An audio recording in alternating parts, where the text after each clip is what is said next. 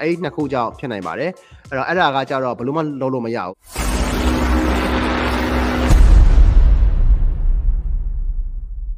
page က post ကို share ပေးတဲ့သူတွေရဲ့အဲ့ဒီ share post ကို share သွားတယ်ဆိုပြီးတော့ notif တက်လာလို့ဝင်ကြည့်တာအာဝင်ကြည့်တာကို page post ကို share တာပဲတွေ့ရတယ်ကိုတဲ့သူတို့ page share တွေကိုဝင်ကြည့်လို့မရဘူးဘယ်လို caption နဲ့ share လဲအဲ့ရောက်မှာဘာ comment တွေရှိလဲသိချင်တာဘယ်လိုလုပ်ရမလဲကိုတဲ့ အဲ့ဒုတိယ main ကုန်းကသူကဘာကိုပြောရလဲဆိုတော့ဟို share လိုက်တယ် share လဲမြင်ရတယ်ဒါပေမဲ့အဲအဲ့ share ကိုနှိမ့်ကြတဲ့အချိန်မှာဘယ်သူ share ရလဲမမြင်ရဘူးပေါ့နော်အဲ့ဒါဘာလဲဆိုတော့သူတို့က public နဲ့ share မထားတာရယ်နောက်တစ်ခုဖြစ်နိုင်တာကကြတော့ public နဲ့ share မထားတာအပြင်နောက်နောက်တစ်ခုဘာဖြစ်နိုင်လဲဆိုတော့ဟိုပါလေ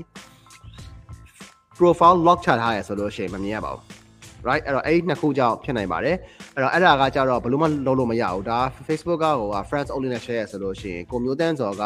အဲ့ဒီ share တဲ့သူတွေရဲ့တကယ်ချင်းမဟုတ်ဘူးဆိုလို့ရှိရင်သူတို့ရဲ့ friends only နဲ့ share တဲ့ post ကိုမြင်ရမှာမဟုတ်ဗျ